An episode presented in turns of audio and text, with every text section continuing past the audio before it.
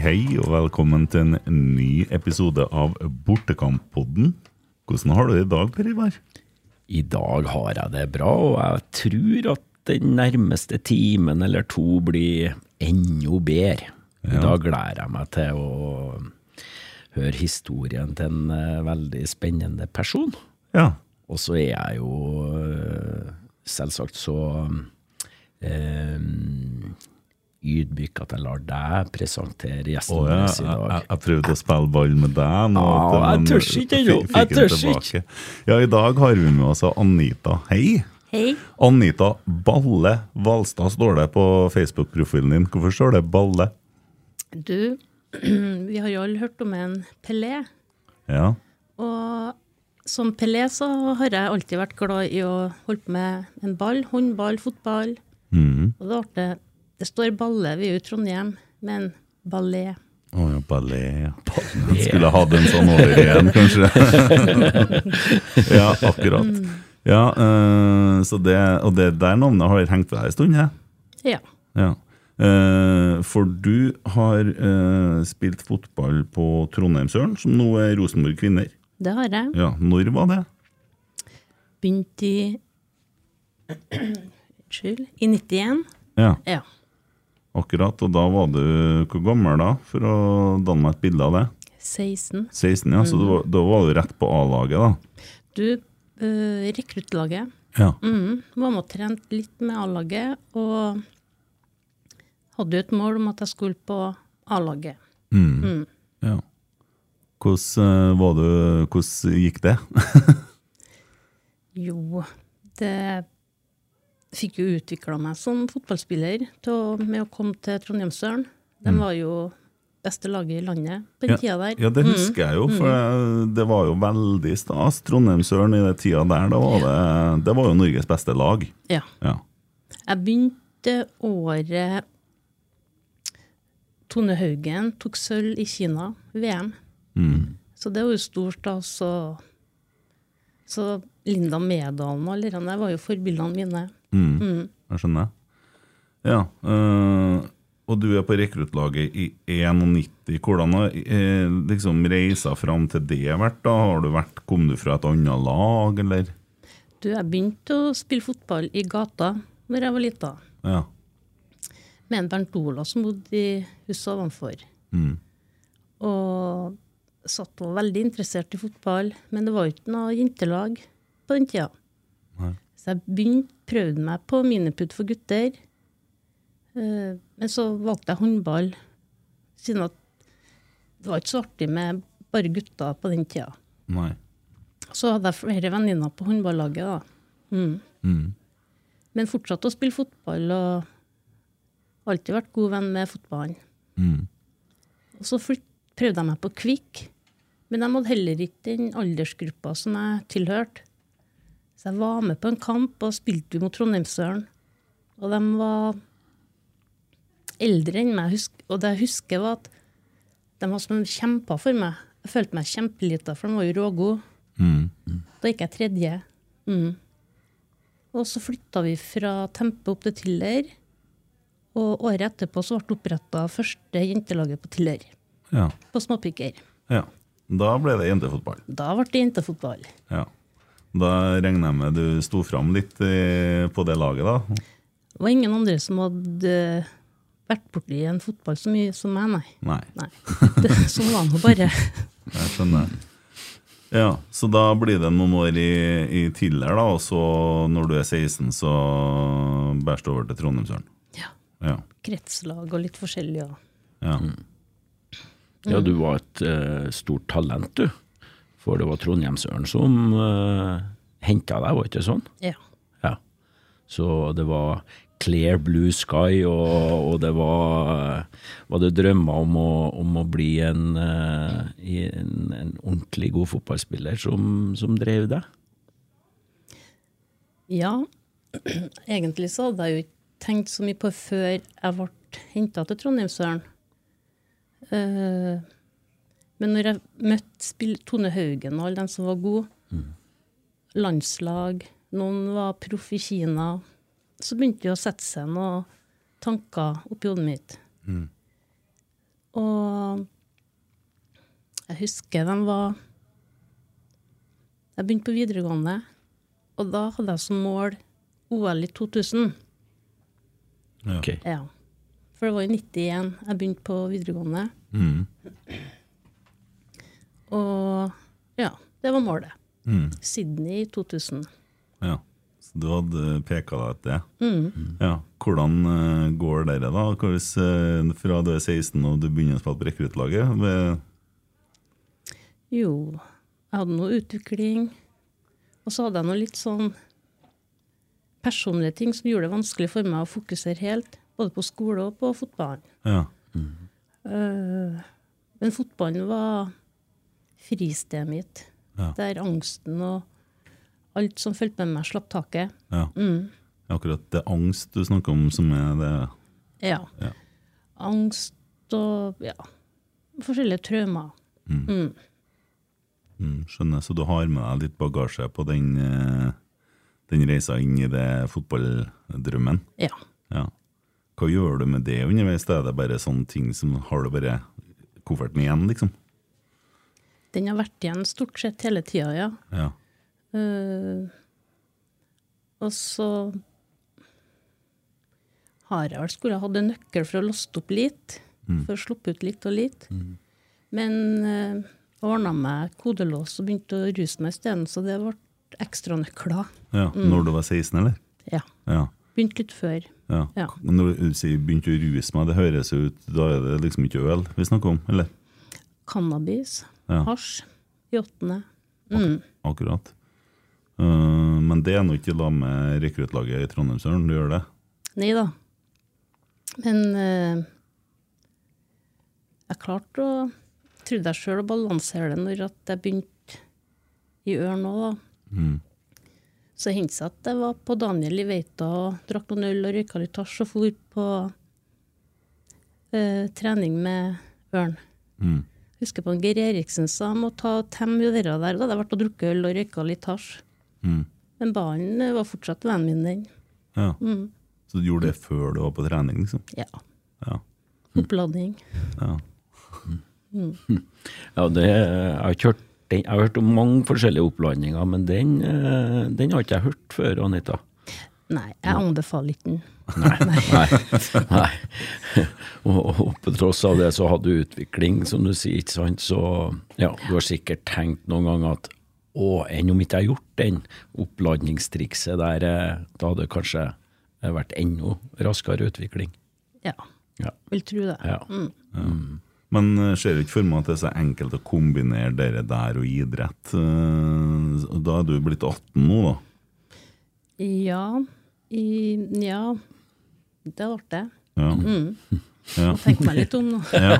ja og, så, og så er du da på en måte i et miljø der på Veita som du snakker om, og så er du i, i det treningsmiljøet og prøver å kombinere begge. Men det vet jeg nå i hvert fall. Jeg fikk ikke til sånne ting. Eh, Ser ikke jeg for meg at du fikk det heller. Nei, det krasja etter hvert, ja. Ja. Uh, samtidig så følte jeg at jeg hadde Skolen klarte jeg ikke å Jeg begynte på mange skoler og slutta halvveis. Mm. Men jeg hadde nå fotballen, da, og dem i Ørn eh, prøvde jo å dra meg med på aktiviteter med dem. og Det var litt skummelt med for mye nærhet òg, da. så. Mm. Ja, Var det noe som de kjente, det andre delen av deg, eh, i det miljøet, eller? Nei. I Trondheimsøren? Nei. nei. Ikke akkurat da, nei. Nei. nei. Men dere der må nå slå sprekker etter hvert, tenker jeg. Det gjorde det. I 93 så var vi på trening, og da var treninga ferdig. Og så skulle jeg snu meg, så tråkka jeg i dolp. Så ble det jævlig vondt i kneet. Mm. Det var, sånn, det var så vondt at jeg klarte ikke å si noe. Jeg ble hvit i Litt sånn Jeg tenker ofte på Susanne Goksør når hun hopper for å ta den finta. Når at hun bare trekker til seg foten når korsbåndet ryker. Ja. Ja. For det røyk til meg òg, Mm. Mm. ja. Så, og da ble det Paralgin forte, smertelindring. Og det syns jeg nå var fint, det. ja. Men ennå så hadde jeg, hadde jeg jo trua på at jeg skulle tilbake. skulle trene opp. Uh, men vi fant ikke ut at det var korsbåndet først. Og da gikk jeg på KVT på fotballinja. Mm. Så første økta etter jeg hadde skada meg på den treninga, skulle jeg skyte. Eller det røyk kanskje ikke første gangen, det hang en tynn tråd bare. Mm. Uh, og da kom jeg til en lege nedpå For da, da ble det enda vondere. Og da ble jeg sendt til en lege som skulle se på kneet. Han skjønte ikke hva det var. Og så sier han ene legen at du skal få prøve å skal sette deg opp på han Grøntvedt. Mm. Torbjørn Grøntvedt, som var legen til Rosenborg. Og så i desember, november Nei, cupfinalen. Oktober før. Mm. Oktober. På morgenen der så var jeg på sykehuset og fikk vite at det var rykke. Opereres eh, fire til seks uker. Seks til åtte uker. Mm. Mm. Og når jeg opererte i desember, da, så fikk jeg jo morfin.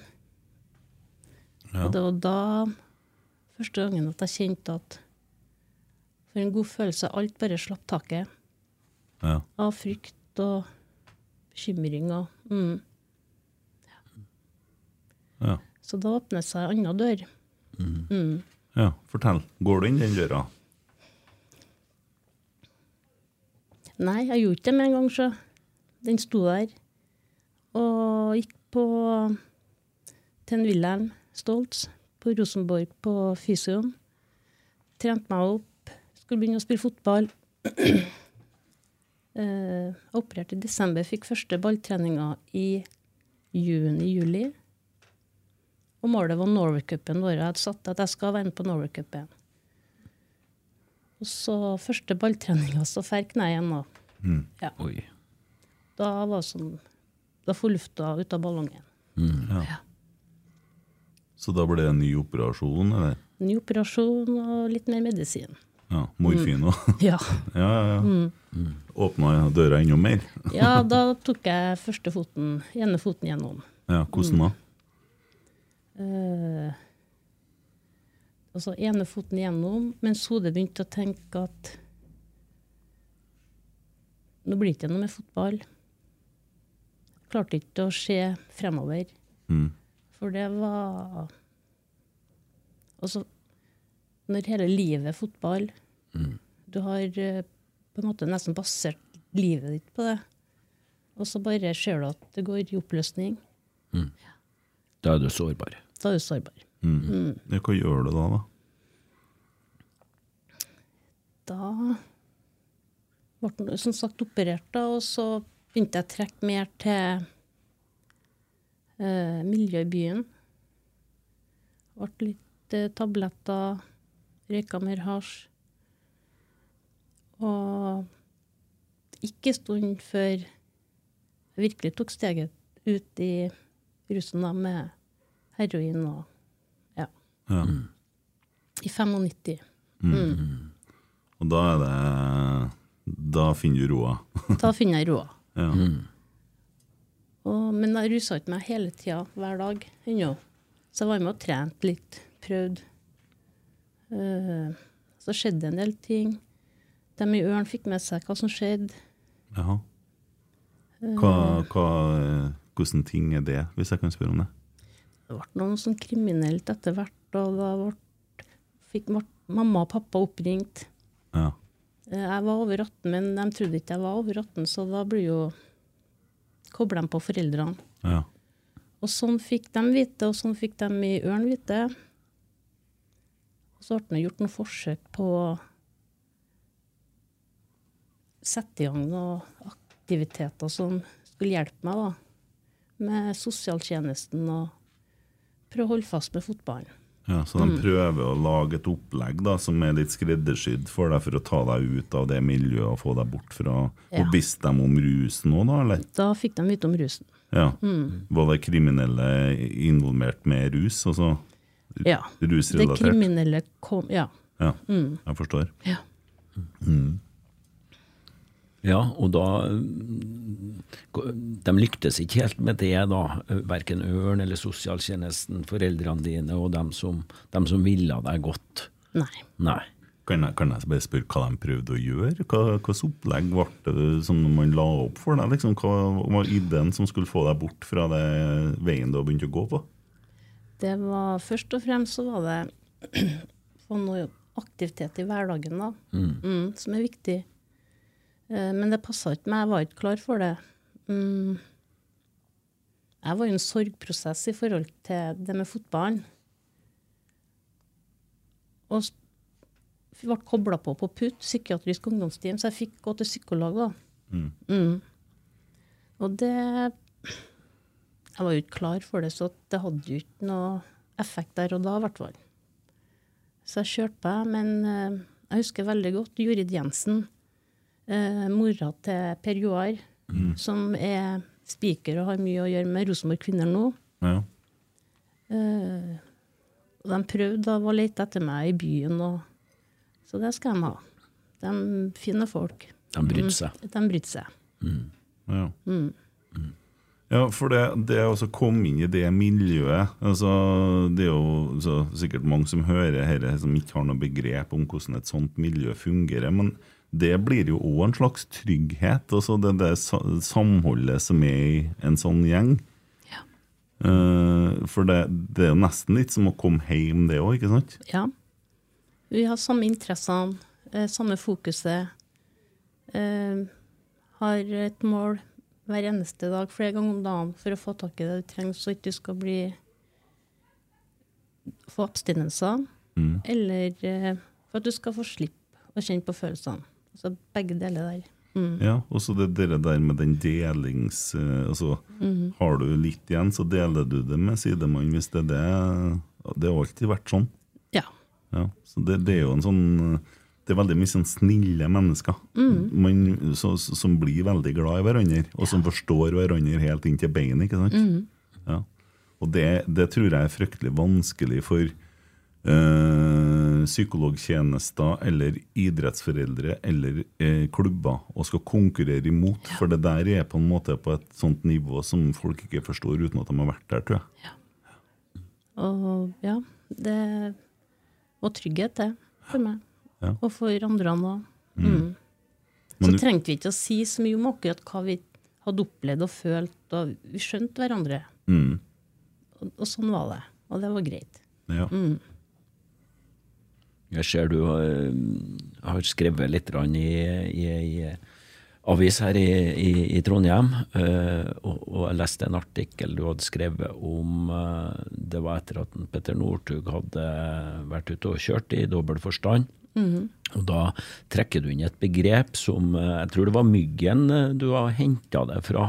At eh, etter hans karriere så, så, så søkte mot ja-folk. Og, og det er jo egentlig det du beskriver, egentlig et, et miljø bestående av ut, utelukkende ja-folk. Og det er, jo, det er jo veldig lett, tenker jeg, hvis vi utafor et sånt miljø nå skal prøve å forstå hvorfor er det, det den dragninga og det laget så, så sterkt. Jo, ordet ja, det, det er jo noe som er, er positivt og oppleves veldig positivt i ei vanskelig tid, ikke sant? Derfor så tror jeg at Trondheimsøren møtte kanskje sin sterkeste motstander ever i akkurat det der. Ja. Mm. Jeg syns det var veldig godt, uh, godt skrevet, den artikkelen, uh, forresten. Takk. Ja, det, det ser jeg jo og i forhold til min egen historie. Når at det var jo også tidlig 90-tall. Og da sendte de det 'ikke tøft å være død' og alt det der rundt på skolene. Som Konstabelens magabånd. Fra bagatell til helvete. Ja, den husker jeg. husker sangene til og med. eh, på den kassetten. Du vet at jeg kan den utenat, og han som synger, ja, var fotballtreneren min på Tiller. ja, akkurat. Ja. Men det ble jo veldig pekefinger og veldig sånn uh, altså, det, det var Altså, hva jeg si, ja eh, Jeg tror at det kanskje har vært lurere å fått flere ja-mennesker, men som sier ja til de riktige tingene inn i de der motkampanjen, og ikke sånn si nei, pekefinger, moraliserende. Ja. For det jeg dro ut av det fra bagatell til helvete, og den filmen som kom på 80-tallet, 'Christiane F', 'Å være ung er for jævlig', og boka 'Har asfalt'. Eh, For det jeg slet med, var jo at jeg følte ikke at jeg ble sett for den jeg var. Følte at jeg ble sett for det jeg gjorde. Ja. Og så ble det vel litt sånn at jeg tenkte Det var, det var nok et rop om hjelp, vet du. At jeg begynte å Altså, det er jo det. Det er jo alltid det. Men fikk ikke det til å si det. Så det ble uh, mer spennende og Ikke nødvendig, men hva heter det? Det ga meg mer enn om jeg ikke hadde gjort det som magevannet sa vi ikke skulle gjøre. Mm. Ja, nei, men jeg, Følte jeg. forstår, jeg forstår det fullt ut. Jeg. Ja. Uh, men altså, nå er vi i 93, og du, har, du snakker om heroin nå, og så sitter du nå med nåla i armen, liksom. Ja, 95. det 95, ja. ja. ja. Mm. Det er jo dramatisk. ja. ja. Ja. Uh, første gangen jeg prøvde, så var det jo med nåla. ja. Kjøre på. Hvordan var opplevelsen av det?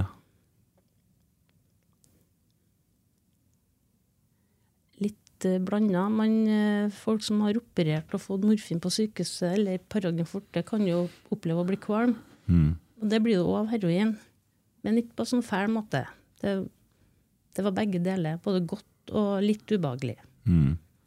Og da fikk du helt fri fra alt. Mm. Ja. Men det koster mye penger Ja. å holde på med heroin. Det er ikke, det er ikke Nei, det er ikke gratis. Nei. Det var i hvert fall ikke det. Nei. Det er ikke noe lør, da. Nei. Hvordan eh, klarer du da å finansiere det du begynner på der, da? Jeg måtte nå bruke eh, hodet, da. Og, og litt salg og For til Oslo og kjøpt og Ja, solgt litt, da. Mm. Og så noen forsøk på noen kriminelle greier, men det var visst ikke så god på det. Der hadde ikke du så stort Hvordan- talent som Nei, på det fotballbanen. Det var fraværende, det talentet. Det vil jeg høre mer om. Hvordan, eh, hva, er det noe som går galt her? da? Blir du tatt, eller hva skjer? Jeg ble tatt for alt jeg gjorde, jeg unntatt til å dra til Oslo og Jeg ble tatt for alt, jeg. Ja, hva, for eksempel? Ja øh, Det første jeg fikk på rullebladet, var jo egentlig helt krise, ute. Men ja, væpna ran. Ja, Ja, vi går på den, da. Ja. Ja. Det er det første. Kjøre et lite væpna ran der, ja. Ja. Ja, det, hva, hvorfor og ikke? Hvordan foregår det væpna ranet for? Uh, ja. Det var faktisk uh, Og det ironiske med den historien er at det hadde vært noen på Ørn, på rekruttlaget, noen fra A-laget, tatt meg med ut på pizza og dagen før skjærtorsdagen i 95. Mm. Og for da var, var det litt krise. Eller det var krise. Bli med oss ut på byen i stedet i kveld og sammen med oss, sier de. Jo, jo. Det, da hadde jeg røyka litt og drukket et par øl på morgenen. For jeg hadde ikke så mye penger. Jeg blir med på byen i kveld. Så for de, og så tenkte jeg jeg må jo ha penger for å komme meg på byen. Eh, så bygjengen som var på midten av 90-tallet, den som liksom ble sett på som den tøffe kjernen. harde kjernen. Og snakka man med den såkalte lederen. Mm. Jeg skulle ordne meg noe penger. Ja, han hadde en tåregass, da. Ja, det var fint, det. Ja, ja. Så um, onsdagen før skjærtorsdagen, folk har reist på ferie, ikke så mye folk i byen. Møtt først ei venninne, lurte på hva holdt med, ordne meg noe penger. Ja, skulle være med hun òg, da. Og så ei til.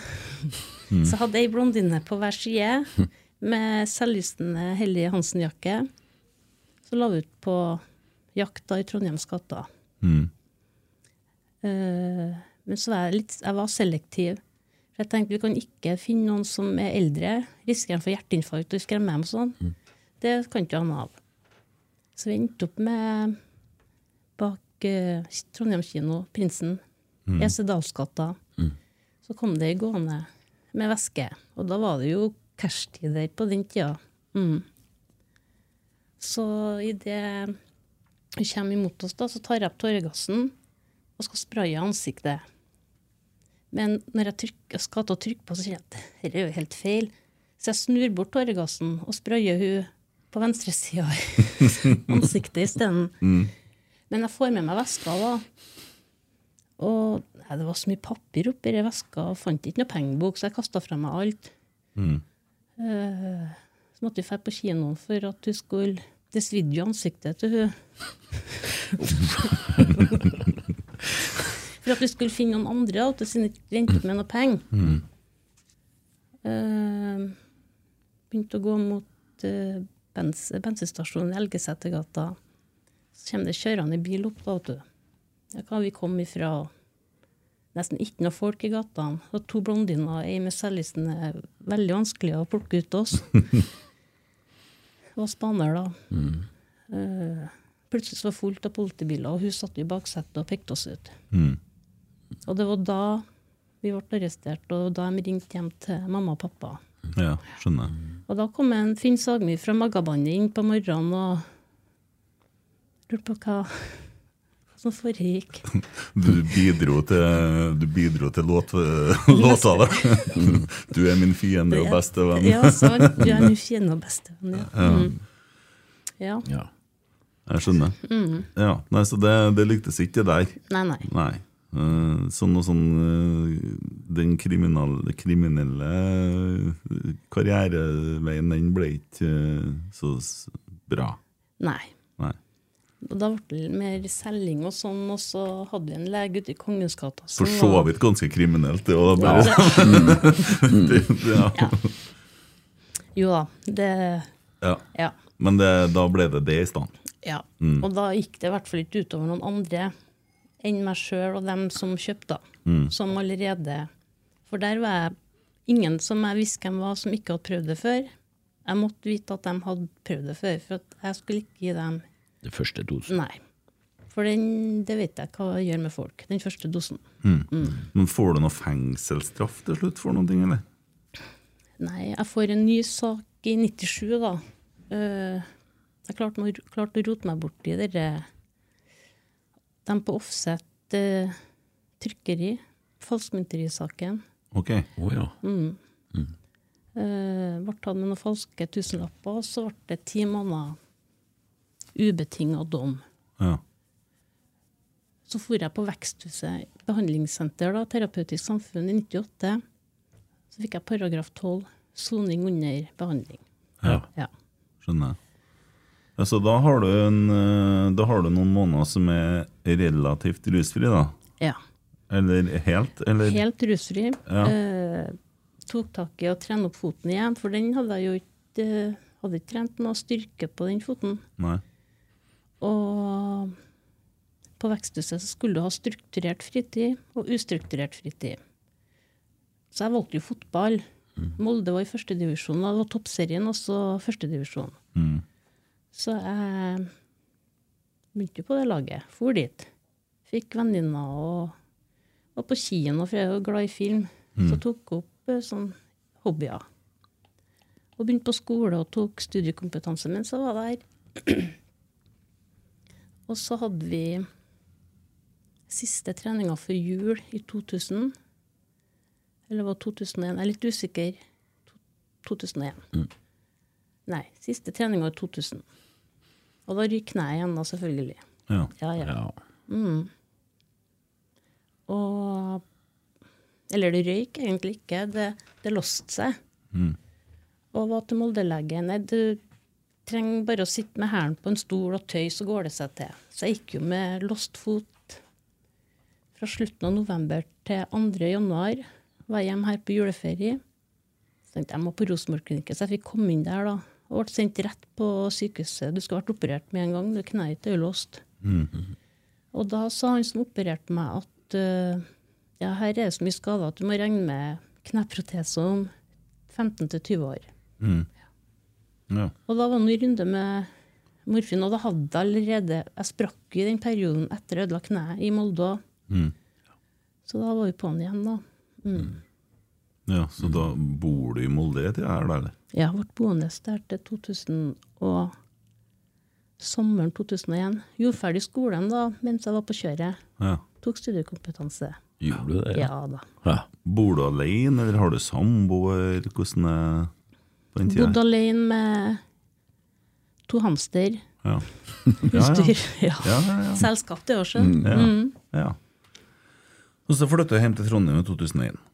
Ja. Ja. 2001. Ja. Hvor du bor da? Da bodde jeg hjem til mamma og pappa. Hvordan er forholdet med mamma og pappa i det her? Da har det jo vært litt kaos og litt turbulent rundt det. Ja. Eh, Jeg kom jo fort fra Molde den morgenen der, husker jeg veldig godt. Den lørdagsmorgenen, og da var jeg jo ganske både på Dolcontin, som er morfin, heroin, piller. Men da hadde jeg bestemt meg, jeg skulle bo hjem til dem, og søstersen bodde fortsatt hjem. Så da bestemte jeg meg at tok siste på morgenen. Så var det ei uke med abstinenser hjemme der, da. Skjønte de det? Fikk de med seg det? Ja da. Ja. Hvordan forholder de seg til det da, når du ligger på rommet og svetter og kanskje roper litt og sånne ting? De sier ikke så mye til meg, det er bare å holde seg unna, da. Mm. Uh, Ordna litt mat og drikke og etter hvert. Mm. Men så er nå det med å Alle klarer å avruse seg. Men det er jo det som kommer etterpå som er utfordrende. Ja. Da hadde jeg ikke noe opplegg her. Uh, så jeg fiksa meg en lege og fikk uh, benzo og tabletter. Mm. Og så bytta jeg jo bort dem i morfin igjen, og så var vi den. Mm. Og der, da har vi kommet til 2002. Uh, Rusa meg kraftig. Og så fant han ut legen at jeg hadde ikke vært ærlig om at jeg hadde et rusproblem. Så da sa han at jeg måtte ordne meg en ny lege. Og så kom jeg til den nye legen og så sa jeg at jeg trenger Dolcontin. Jeg er avhengig. Mm. OK, sa han. Men da skal jeg gå ut og sette og skrive en søknad på LAR, legemiddelassistert rehabilitering. Så var den prosessen i gang, og så fikk jeg kvote, slapp å gjøre kriminelle ting. Fikk litt mer ro, fikk meg leilighet. Ja. Selv om det er heftig kjør med Dolcontin nå, da. Mm. Ja. Ja, så da, da begynner du med en type eh, si, assistert uh, rus, si, med Ja. den LAR-behandlinga. Mm, Ja. 2004. Ja, for det er, det er ikke metadon vi snakker om nå. Nei, du, jeg fikk ja på metadon, men så var det en kompis av meg som sa at han hadde fått Subutex, buprenorfin, og det funka kjempebra. Og jeg har jo sett folk på den tida der som gikk på metadon, og hva det gjør med kroppen. Og ja Det er ikke sunt for kroppen, da. Nei. Nei. Og sa ja til å prøve Subutexen, og det fungerte for meg. Ja. Mm. Det er i 2004. Ja. Ja. Hvordan uh, blir livet da? Det var ganske greit. Uh, prøvde å begynne på skole i 2005. Uh, helse og sosial grunnkurs. Og så begynte jeg på VK1 i 2006. Og rett etter oppstart på skolen så blir pappa syk. Så får jeg beskjed om at det bør snakke om måneder. Mm. Og da slutta jeg på skolen, holdt meg rusfri. Og så gikk nå han bort i mai 2007. Og da ble det litt eh, roting med hasj igjen. For buprenorfin, Subuteksen. Det er ikke noe vits å ta heroin eller morfin. Det stopper reseptorene i hjernen er fylt opp. Okay. Så kan du like godt tenke på pengene det koster for å kjøpe rusen. Da. Mm. Og det er jeg veldig glad for. Så LAR, LAR-medisin har hjulpet meg i så forstand. Mm. Ja. Uh, og så tok jeg meg litt sammen igjen. Ble forlova med ei jeg møtte. Så var det slutt der. Og da gikk jeg på en smell. Og da, men da hadde jeg begynt å spille fotball igjen. Mm. Bjørn Hansen Ja. Ja. var jo pådriver på Veita United, som Frelsesarmeen har fortsatt. Eh, og det var superviktig akkurat 2007-2008. Det samholdet eh, Jeg husker så godt vi hadde trening i Dorahallen. Eh, da skulle vi ut og spise etter treninga.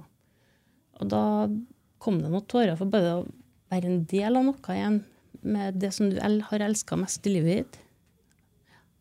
Det var fint. Mm.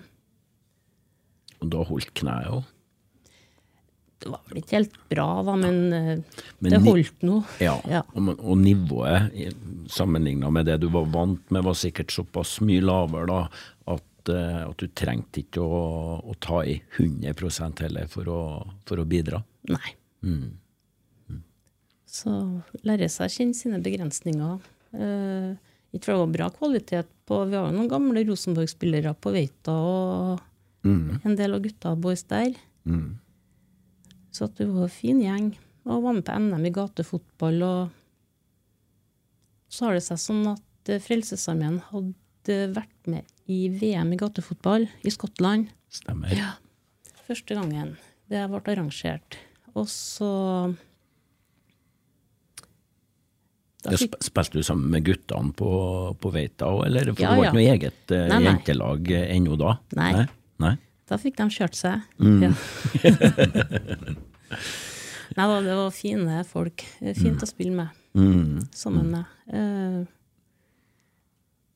og så fikk jeg, da satte jeg meg et mål at jeg ville på landslaget i gatefotball. For jeg hadde hørt at det var noen jenter som hadde vært med på andre herrelag i VM. For det var ennå ikke dame-VM okay. i gatefotball. Og så ble ikke jeg tatt ut til landslaget. Jeg ble skikkelig skuffa. Sånn at Wenche uh, Slemmeli Osen og Terje Støland, som jobba i Frelsesarmeen da og Veita, bestemte seg for å danne et damelag. Det heter, og vi kalte oss foreningen Et skritt videre. Den heter Stiftelsen Et skritt videre. Da vi var første damelaget som var med i NM. Spilt mot mannfolkene, da. Ja, Ja ja, i 2009. tøft. Ja, 2010 var første NM for damer, var fire lag. Og dermed så ble det oppretta landslag. Ja. Og da skulle VM være i Brasil, på Copacabana. Oi, oi. Ja da. Mm. September i 2010. Eh, ble tatt ut. Vi hadde samlinger, uttak, og fikk spille. Det var stort. VM. Flagget på brystet. Mm. Ja, det var Ja, Da ble kneet så bra, for det var så varmt der, så at det Ja. bedre enn noen gang jeg, Mm. i kneet. Ja. Når du, når du da går tilbake i tid, jeg regner med det var noe retrotankegang som ble satt i gang da. Ok, når det ikke ble OL i Sydney, så ble det VM i Copacabana mot Ja. Brasil. Fin erstatter, det òg. Ikke så gærent. Nei, jeg føler at jeg fikk avslutta på Det ble bra lell. Mm. For fikk gjort det på en ordentlig måte. Ja. Det ble ikke sånt åpent sår. Nei. Nei. Hvordan gikk det i VM, da? Du, vi kom eh, Vi vant til sluttspillet vi kom til. Vi hadde to tapere, men det var et annet oppsett for damene, skjønner du. Men det ble jo gjort om etter at vi klaga. Uh, Det ble ikke kåra en verdensmester? jo, jo, det sånn? det ble det, men ja. det var sånn De lagene som skulle ha gått videre, ble plassert i forskjellige sluttspill. Okay. Istedenfor sånn som det er ellers, da. 16-delsfinale, Mm, mm. åttendelsfinale. Så Men, men. Jeg sa det til Dagbladet eller noen, tror jeg, nede der at uh, Vet du, Det er ikke sikkert at det var Norge som skulle vinne VM i gatefotball. For at når du så hva de hadde Hvilken glede de hadde av å komme og spille fotball, de fra landene ellers i verden. Sånn som Haiti, det var jordskjelvet akkurat i det året der. Mm. Og Namibia kom med det de hadde på seg. Hadde ikke klær. Mm. Og da var det like stort for meg å se på at den gleden Ja. Du blir litt ydmyk, da. ja. Jeg bomma jo på straffe mot eh, USA, vet du. Ok. Ja, og de hadde en keeper som var noen og 50 år. Aldri spilt fotball. Mm. Tannløs, eh, bodd på gata. Så jeg skjøt jeg rett på, da. Men Ikke med vilje. Nei, nei. Nei. Men uh, hun redda jo han. Mm. Spilte ingen rolle om jeg tok en dårlig straffe, men hun tok en. Mm. Jeg får frysninger jeg tenker på, for alle spillerne på USA bare slengte seg over henne, og da var hun heltinna. Mm. Så tok jeg meg en runde på Copacabana og så var litt irritert på meg sjøl, og så var det fint etterpå. Ja. Hvordan står dette med deg i tida her? Er du helt rusfri? Ja. Mm. Det var faktisk det er krav. Mm. Du må vise til rene prøver og være rusfri for å få følge samlingene og turen til VM. Mm. kan ikke reise til Rio med en gjeng med folk på hodet. Det, er- det er derfor jeg spør. Ja. Men du er i den LAR-behandlinga ennå, da? Ja. Går det bra, det da videre, liksom? Eller hvordan går livet når du kommer hjem fra VM? og ja? Nei, da gikk det ganske greit. Eh, hadde blitt tante for første gang og tidligere det året. Eh, men det var cannabisen og litt benzo innimellom som Ja. Vi er ganske harde med oss sjøl når du føler at vi straffer oss litt sjøl innimellom. Og da hadde ikke jeg noe Nå har jeg lært meg å belønne meg, gjøre noe godt hvis jeg sliter. Selv om det sitter langt inne ennå, og jobber med saken hele tida. Mm. Det er en prosess, ja.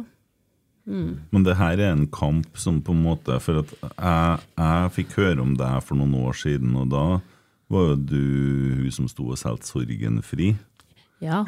Ja. Er det lenge siden det? Jeg selger fortsatt litt sorgenfri. Ja. Ja. Eh, sorgenfri, det har betydd utrolig mye for meg. Eh, det å på ha en jobb å gå til, tjene penger på ærlig vis, møte folk, smalltalk. Eh, Der er du god. takk. Ja, vi har jo treftes. Det er jo der jeg har blitt kjent med deg òg, ikke sant? At Ja. Egentlig har jeg jo visst da eh, om at du var en tidligere fotballspiller og, og talent og sånn, og som, som kom, kom litt, litt utpå. Og så, ja, og jeg bestandig eh, satt pris på de eh, samtalene og den smalltalken, ikke sant. For ja, du er, du er utrolig god, ikke sant. Det skulle nesten kjennes ut som at ja, det er jeg treffer jevnt og trutt, og som jeg har kjent eh, lenge, og det stemmer jo ikke. Nei. Så du er, en, eh, du er veldig god til Du, du, du selger jo bestandig blad da, når du, du kommer inn i den, eh, den sonen. Jo da. Uh, og det er liksom Det har jeg sagt før òg til folk som har spurt hvordan det er å selge sorgenfri. Og uh, den praten du får med folkene Det trenger ikke å være så lenge, men en dag så kan jeg ha det litt eh, tungt, og så møter jeg noen som klarer å få meg til å smile. Og noen ganger så er det motsatt òg, som en selger. Yes. Og det betyr mye. Folk har fortalt meg mye foreldre som har mista ungen sin i selvmord, overdose, har unger på kjøret. Ja. Og det at folk åpner seg opp sånn, Ja. det tar jeg som en tillitserklæring. Det skal du. Ja. Men hvordan ser det ut for Anita i dag, da, i 2023? Er det, hvor, hvor står du hen i livet ditt nå i forhold til rus? eh, Ja, alt? Jobb? Du, eh, jeg må si at vendepunktet kom da i januar i 17, når jeg fikk en akutt rusutløst paranoid psykose pga. hasj. Mm. Havna på Østmarka for første gang i mitt liv og ble satt på antipsykotisk i to og et halvt år. Og det var kjemisk lobotomering. Det var ikke noe mye smalltalk, nei. De måtte stille ledende spørsmål. Jeg sa ja og nei hvis de stilte spørsmålene rett, ellers så svarte ikke jeg. Jeg hadde ikke mimikk. Det var verste årene i mitt liv, faktisk. Ja. Ja, hadde heller vært på kjøret, for da følte du noe enten opp eller ned. Men, Helt ja, flat. Altså, hasj, og så sier du at du kommer i en sånn psykose? Ja. ja. Av eh, hasjen. Ja, da er det den der hasjen som det var litt snakk om, som er sånn uh, kjemisk, skal du si? Ja, Eh, syntetisk. syntetisk, ja. ja. ja. Hva skjer da? Tenker du Hva skjer? Hva, sitter, du her, sitter du her og så Er det et sammenbrudd? Er det noe som skjer over lengre tid? Hva er det som Det begynte vel i desember i 16. Røyka tett. Bodde opp til i Jeg kjente Så da har du mista leiligheta di? Nei, nei, nei, var leiligheten. Ja, Men ja. jeg hadde vært Det var, var noe sånn kjærlighetsgreier. Mm, Ja, ja, var ikke så god på å håndtere. Visste ikke, jeg hadde ikke lært meg det. Nei. Eh, Så gjorde jeg det eneste jeg kunne, da. Ja. Men det Jeg ser tilbake på nå, ja. At det var de verste årene i mitt liv. Men jeg føler at det var nødvendig at jeg fikk møte avgrunnen min. Og hadde, fikk sånn avsky at da fikk jeg lyst til å endre. At skjønte Men- at jeg måtte gjøre noe. Du, du, du begynner bare å røyke tett, da, og så det og så, så skjer det en meltdown her underveis som Ja. gjør at du så, Hvordan blir du henta av ambulansen? Hva skjer, liksom? Ja. øh, for det første så var jeg jo forfulgt, og det var overvåkning og Ja, innbilte meg det. For jeg var jo paranoid. Det var en psykose. Ja. Og det var så tungt da at uh, da så ikke jeg noe ende på noe. Eller den eneste enden jeg så, det tenkte jeg nå må jeg bare få slippe. Mm. For som sagt, jeg har ikke vært så god på å sagt fra at nå trenger jeg hjelp. Uh, så jeg for gikk på Stavnebrua et par timer. Uh, hadde skrevet avskjedsbrev, uh, grein. Og når jeg tenker tilbake nå, så er jeg veldig glad for at jeg grein. For hvis jeg ikke hadde kjent på den sorgen og tanteungene og dem som skulle ha blitt etterlatt, hvis det hadde vært helt svart, Da hadde gjort det. da hadde jeg gjort det. Mm. Så jeg, etter en stund, etter et par timer, så gikk jeg bort på brakka til Grete, hun som var billettansvarlig. Ja, Øyås. For jeg brukte å være der i Leveblad, sitte og prate med Gjøran og gjengen. og ja, ja, Alltid velkommen på brakka. Mm. Og da når Grete så meg, så bare tok hun meg inn, lukka døra, ringte søstersen, fikk meg hjem til mamma, og så roa det seg litt. Men på morgenen dagen etterpå så var det like ille. Og da tok jeg telefonen og ringte den nye oppfølgeren jeg hadde fått, Siv Sæter. Eh, Jeg hadde møtt henne én gang, men det var noe i øynene hennes som Jeg følte meg trygg på henne. Mm. Så jeg ringte, sa nå klarer ikke jeg noe mer. Og det tok en halvtime, så var de der. Henta meg. Ja. Første gangen Valstad ba om hjelp.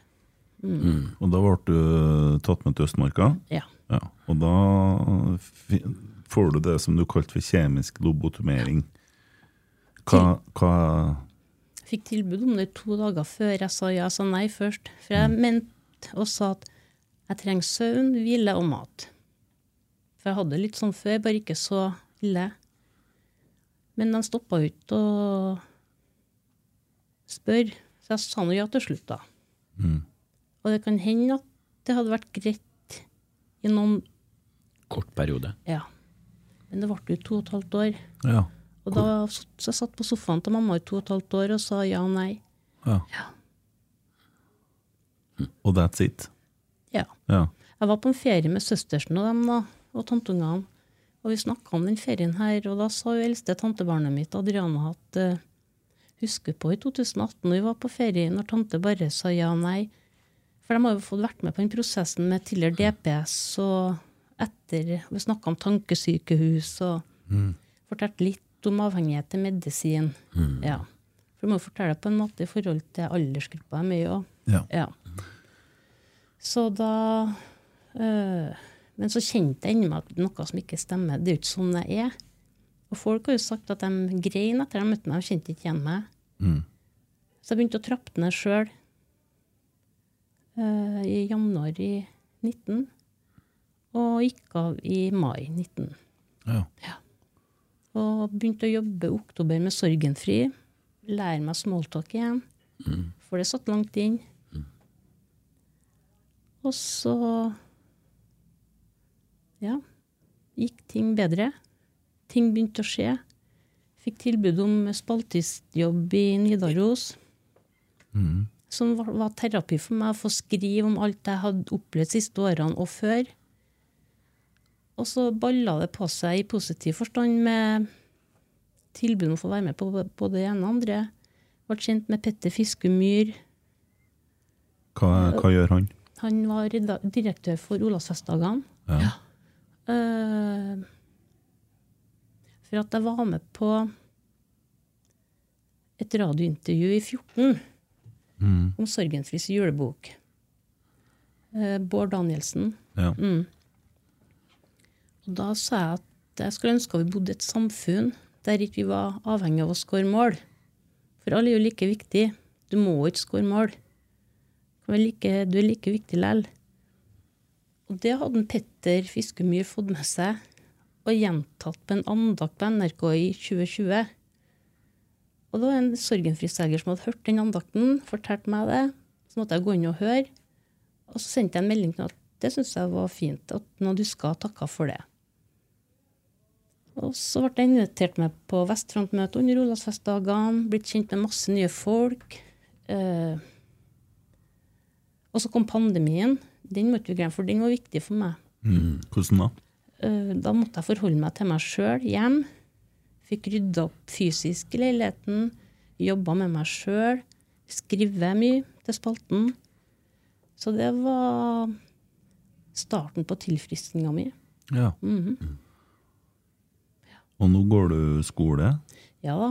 Uh, hvor skole opp uh, her, skal jeg si? Ja, Sitter noen etasjer over oss. Ja. Eh, Hva du studerer nå? nå skal jeg bli erfaringskonsulent innenfor rus og psykisk helsearbeid. Ja. Og da har du måttet rydde ganske mye i egne rekker for å komme dit? Ja. Ja. Og som sagt, det fikk jeg starta på når pandemien kom. Og, og så begynte jeg på med fotball igjen nå, vet du, midt oppi her, Ja. i 21. Oh, ja. Og da fikk jeg òg ja på å skifte kne. Uh, fått meg helprotese i kneet i mai 21. ja. Uh, året etter jeg ikke var billig Abilify. Og når jeg hadde gjort det, så fant jeg ut at ja, men kanskje at jeg trenger ikke Subutex noe mer heller. Så mai året etterpå. Tre viktige mai de tre siste årene. Det har vært en drastisk endring i livet ditt. Ja. Antipsykotisk, nytt kne. Slutta med LAR. ja. Subutex. ja. Var det alle som syntes det var en god idé, det, det siste? Nei.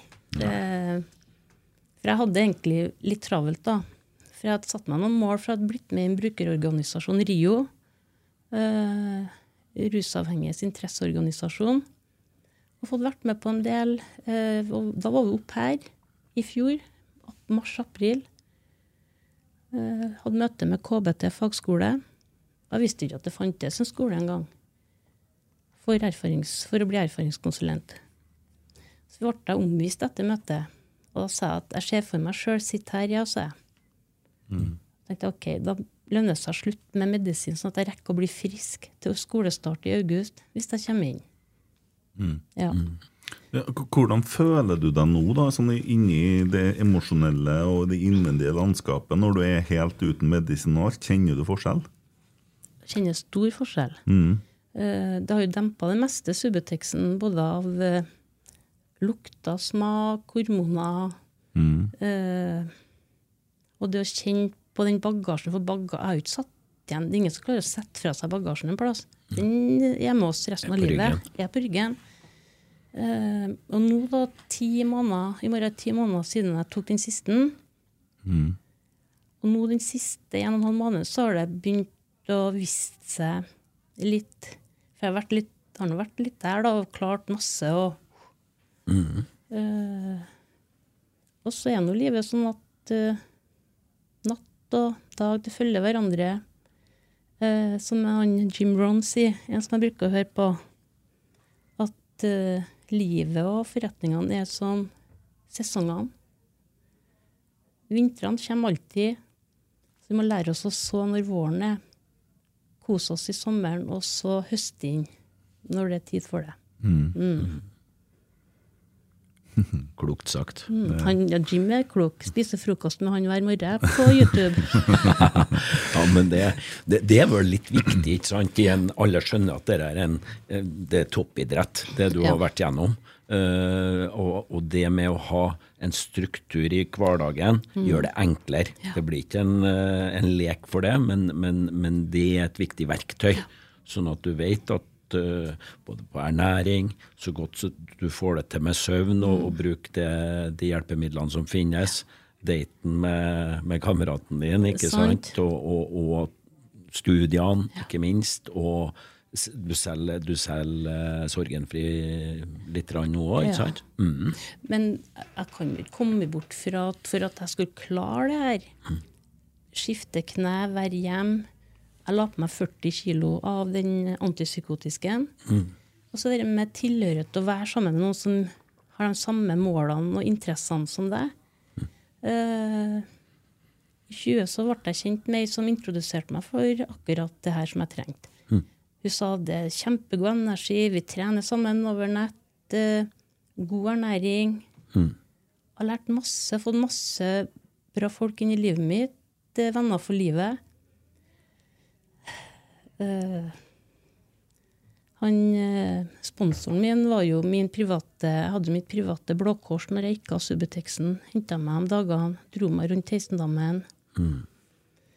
Jeg spiste uh, dobbelt så mye mat i de første 15 dagene. For kroppen eh, det var skikkelig Som jeg sa til en Håkon Haugsbø på Vestfrontmøtet som var sist nå, i forhold til det å gå av Subuteksen og kontra å gå av heroin, så sa at å gå av heroin var som å ha fandens oldemor på besøk.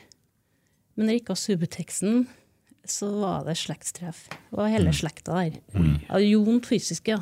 Gjorde ja. ja. Men hodet var på plass med alt jeg har fått lært. Og ja, Du var klar. jeg var klar. Du skal få lov å si hva som den ernæringa som har hjulpet deg. Det, Ja, det er Herbalife, vet du. Det er det, ja. Mm. Og jeg trodde jeg kunne ernæring. Jeg har lært så mye om balansert. Så jeg lager meg middag hver dag med rene råvarer og masse grønnsaker, salat. Ja. Koser meg med maten hver dag. Og ja. Jeg hadde nok ikke klart å stå det uten ordentlig ernæring. Jeg takka nei til avrustning på Blå Kors. Jeg fikk ikke ta med meg den ernæringa. De hadde det jeg trengte. Eh, jeg er jo ikke enig i det. Så vi prøver å jobbe litt mot det nå, da. Altså både somatikken, psykisk helse, på rusinstitusjoner. Barnehager og skoler, det er jo ikke fokus på riktig ernæring og nok. Og nå sier jeg ikke at alle skal begynne å spise Herbalife, men rett ernæring, Mm. det er viktig. Ja. Ja, for det, det som er poenget her, er at øh, der har du noe som er ferdigtenkt. ikke sant? Du får mineraler, vitaminer, proteiner og det som kroppen din skal ha, og ikke øh, nødvendigvis andre ting som kanskje gjør ting verre. Og det vet jeg personlig, og i forhold til å få på plass næringa, så blir hodet bedre òg. Yes. Men jeg merker jo utrolig stor forskjell på den nå og når vi møttes uh, for kanskje et halvt år siden øh, utom døra her. For da virka du Du var mye mer øh, Hva skal jeg si øh, Du virker mye roligere nå, da. Ja. Eh, Så det er tydelig at ting detter mer og mer på plass. Men så forstår jeg jo òg at uh, litt av drivkrafta di nå er å hjelpe andre mennesker. ja. For det er jo, du, du snakker jo om, eh, hører jo helse- sosialfag tilbake på før i tida, og er, altså, erfaringskonsulent, og du skriver mye, og det, det gjør du jo for å dele og for å gi av bagasjen din, så kofferten din står jo nå vid åpen, så folk kan komme og bare prøve de klærne du har liggende. Ja. Ja, ja. Ja. Og det du snakker om at jeg er roligere nå Jeg sa til ei her at uh, jeg holder på å gå inn for landing nå, og for første gang siden 2000 uten rus eller medisin. Og så har det vingla litt nå. Men heldigvis da så har jeg lært meg så mye de siste årene om meg sjøl. Har ernæringa på, på plass. Eh, har ting å gjøre. Satt meg mål, korte mål, langsiktige mål. Og mening i hverdagen. Ja, og, og så skal jeg si Det er jo sånn uh, i mitt liv òg, så hver gang jeg valgte å begynne, så var jeg jo edru. Så det var jo noe med mindsettet i det du begynner på. Sant? Det, det beskriver du òg, lange perioder uten rus. Og når du da begynner på, så har du satt deg sjøl i den situasjonen. Min erfaring til meg er at det er skumlere å være langt opp Ja. enn om man er litt nede i kjelleren. For altså, våren er skumlere enn høsten. Ja, Ja. faktisk. For da, da, når du er så langt opp, da, da tåler du alt. Da går Ja. det bra med litt. Ja, og så glemmer du å så underveis, da. Og da du, når du lander da, så har du ingenting å høste heller. Så står du her, da, og så da blir det lettere å fortsette òg. Alle vanskeligere å kutte. Ja. Du spurte meg i stad, for at det står et bilde her som guttene har laga av meg i Supermann-drakt, så lurte jeg på hva kryptonitten min er. Hva er kryptonitten din? Jeg har tenkt litt på det siste tida her. Eh, nære relasjoner trenger jeg å lære meg mer om, og har lært meg mye mer. Eh, men så er det noe med det om, med å håndtere kryptonitten, da. Ta på seg, ikke ta på seg hansker, blir feil å si det. Vi skal ikke ta på oss hansker i relasjoner. Uh, jeg må Jeg har funnet ut at jeg trenger å Egentlig, relasjoner Jeg er jo god på relasjoner òg. Bare ikke bli for tett. Ja. Og har åpna opp mye mer de siste, siste årene. Mm, og nå har vi hatt, eh, hadde vi forelesning i går om traumer og kompleks posttraumatisk stress. Det er to forskjellige ting. Mm. så jeg har faktisk bestemt meg for at jeg skal ta noen timer til hun som var oppfølgeren min, psykologen min, på antipsykotisk. Da kom det ikke noe ut av timene. Men nå er jeg klar, og for nå ser jeg mønstrene i det meste. da, hvorfor, eller hvorfor jeg reagerer i gitt, sånne gitte situasjoner. Men så har jeg òg forstått det at Det var Jim Rohn som sa til meg under en frokost òg at uh, ikke la omstendighetene bestemme hva du gjør, eller hva du føler. Det er, jo ikke hvordan du har det, men det er hvordan du tar det. Og jeg har tatt det dårlig før. Men nå så lander flyet Ja, det vingla litt, men jeg lander trygt. Det er ikke tvil om heller, for det vet jeg. Kjempebra. Hadde jo, hadde jo han, eh, min eh, psykolog Trond Haug med her eh, når at eh, vi spilte inn episode med min historie. Og jeg snakka med denne Trond en gang for jeg vet ikke hvor lenge siden, når ting gikk eh, bra. da. Så jeg at jeg har lyst til å, at vi tar noen timer nå. Ja, hva har skjedd? Ingenting. Men nå har jeg plass til å lære. Sant? For nå er ikke jeg så emosjonelt. Sant? Eh, For man kontakter jo oftest psykolog når det er nede i kjelleren. Og da er det jo ti ganger vanskeligere å ta til seg ting i forhold til å eventuelt endre vaner. Eh, kanskje en ting er personfesta, og du skal gjøre endringer. Eh, igjen, kanskje så er det best å bruke våren, uh, mai, sant? når at uh, man skal gjøre de justeringene, for da, da er hodet klarere, og man er ikke så emosjonelt prega. Så det er jo et godt råd til folk som føler seg veldig bra. Kontakt psykologen da, for da Ja. har du plass til å lære. Sant? Og det er det jeg skjønte jeg òg nå. Og sånn sett så har jo skolen vært perfekt timing òg. Jeg har lært masse, både faglig og mye mer om meg sjøl enn hva jeg har gjort. Jeg har lært mye før, men nå skjønner jeg det. Og nå evner jeg å føle det òg, sånn at det ikke er noe medisin som demper. Jeg tar det til meg nå. Ja. Så er det ikke farlig å vise følelser, da. Det, Det er nei. Det er litt godt òg. Det er litt godt. det. Er godt. Men da må tryggheten og balansen være, være der, ikke sant? Ja. Langsiktige og kortsiktige mål. Ja. Jeg er nysgjerrig, Per. Hva gjør Anita om fem år? Ja. Om fem år.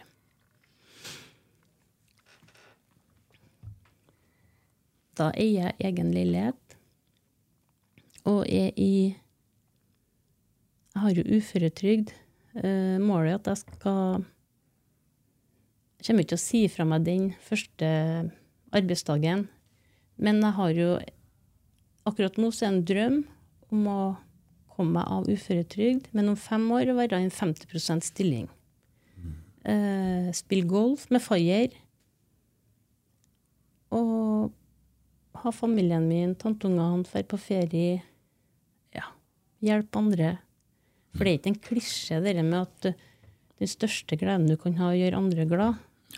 Det er ikke noe som er likere enn å se noen smile for at du har bidratt med noe. Og det er egentlig å være litt egoistisk, kanskje. Det, det. ja, når det bruker jeg å si. Ja. Det er pur egoisme, sier Ja. jeg, når folk takker deg for å et eller annet, ikke sant? Ja. For det gjør meg godt. Sant? Så Når du reiser deg på det det. bussen for ei dame med krykker, eller en mann med krykker, så ja, så gjør du for at det blir bra for personen. Mm. det, hvordan du føler deg sjøl at du har gjort det. Nydelig. Det er helt herlig. Det er jeg enig i. Mm. Eh, ja. Hva du tenker du, Per Ivar? Nei, jeg sitter nå her, og det er liksom så Når man har vært gjennom har vi sikkert snakka en times tid, og så, fra, så har det jo bare gått på humpete vei, ikke sant, og så, og så eh, ser du liksom en sånn graf, og så avslutter vi på en måte her nå med, med å se litt inn i krystallkula fremover. Eh, og jeg, jeg, heier på deg, og jeg tror at, eh, at du kommer til å både spille golf og, og bidra på, på, i jobb og, og, og, hjelpe andre. Altså. Det ser jeg helt tydelig. Takk. Mm. Det må jeg bare si, da, siden at det ikke er så mye fotball nå, etter jeg fikk kneprotesen, mm. så begynte jeg på med golf når jeg begynte å trappe ned i fjor. Og så skulle det være et golfkurs eh, i slutten av mai mm. på Stjørdal. Og det heiv jeg meg på. Da sa han han Jeg var ikke i spesielt god form da. Jeg orienterte meg om hvor toalettene var og sånn. Mm. Og fortsatt abstinent. Mm. Men liker å komme seg ut enn å sitte hjemme og kjenne på det. Og da ble det golfballet. Ball er ball. ball er ball, ja. Golfball. Men det er bra. Ja, det er bra, ja. Men det er, det er sunt og frisk luft og, og ja. konkurrere litt. Rann, Du har det nok ennå, tenker jeg. Puttinga er artig, ja. syns jeg. Da går det på teknikk og lese banen, og det liker jeg. Mm. Mm. Ja, og Hvis folk vil uh, se det du har skrevet, da, så forstår jeg at det er for Nidaros du har skrevet. Mm -hmm. ja, og Da er det jo bare sikkert å søke opp Anita der. Anita Valstad med W, og så er det ikke betalingsmur på det, så folk kan søke opp det og lese det mm, uten å betale. Mm. Det anbefales. Ja. Nei, men jeg tror da vi landa på fotene, og ja. ikke, ikke nedi dolpa. så vi berga knærne. Ja. Du berga knærne. ja.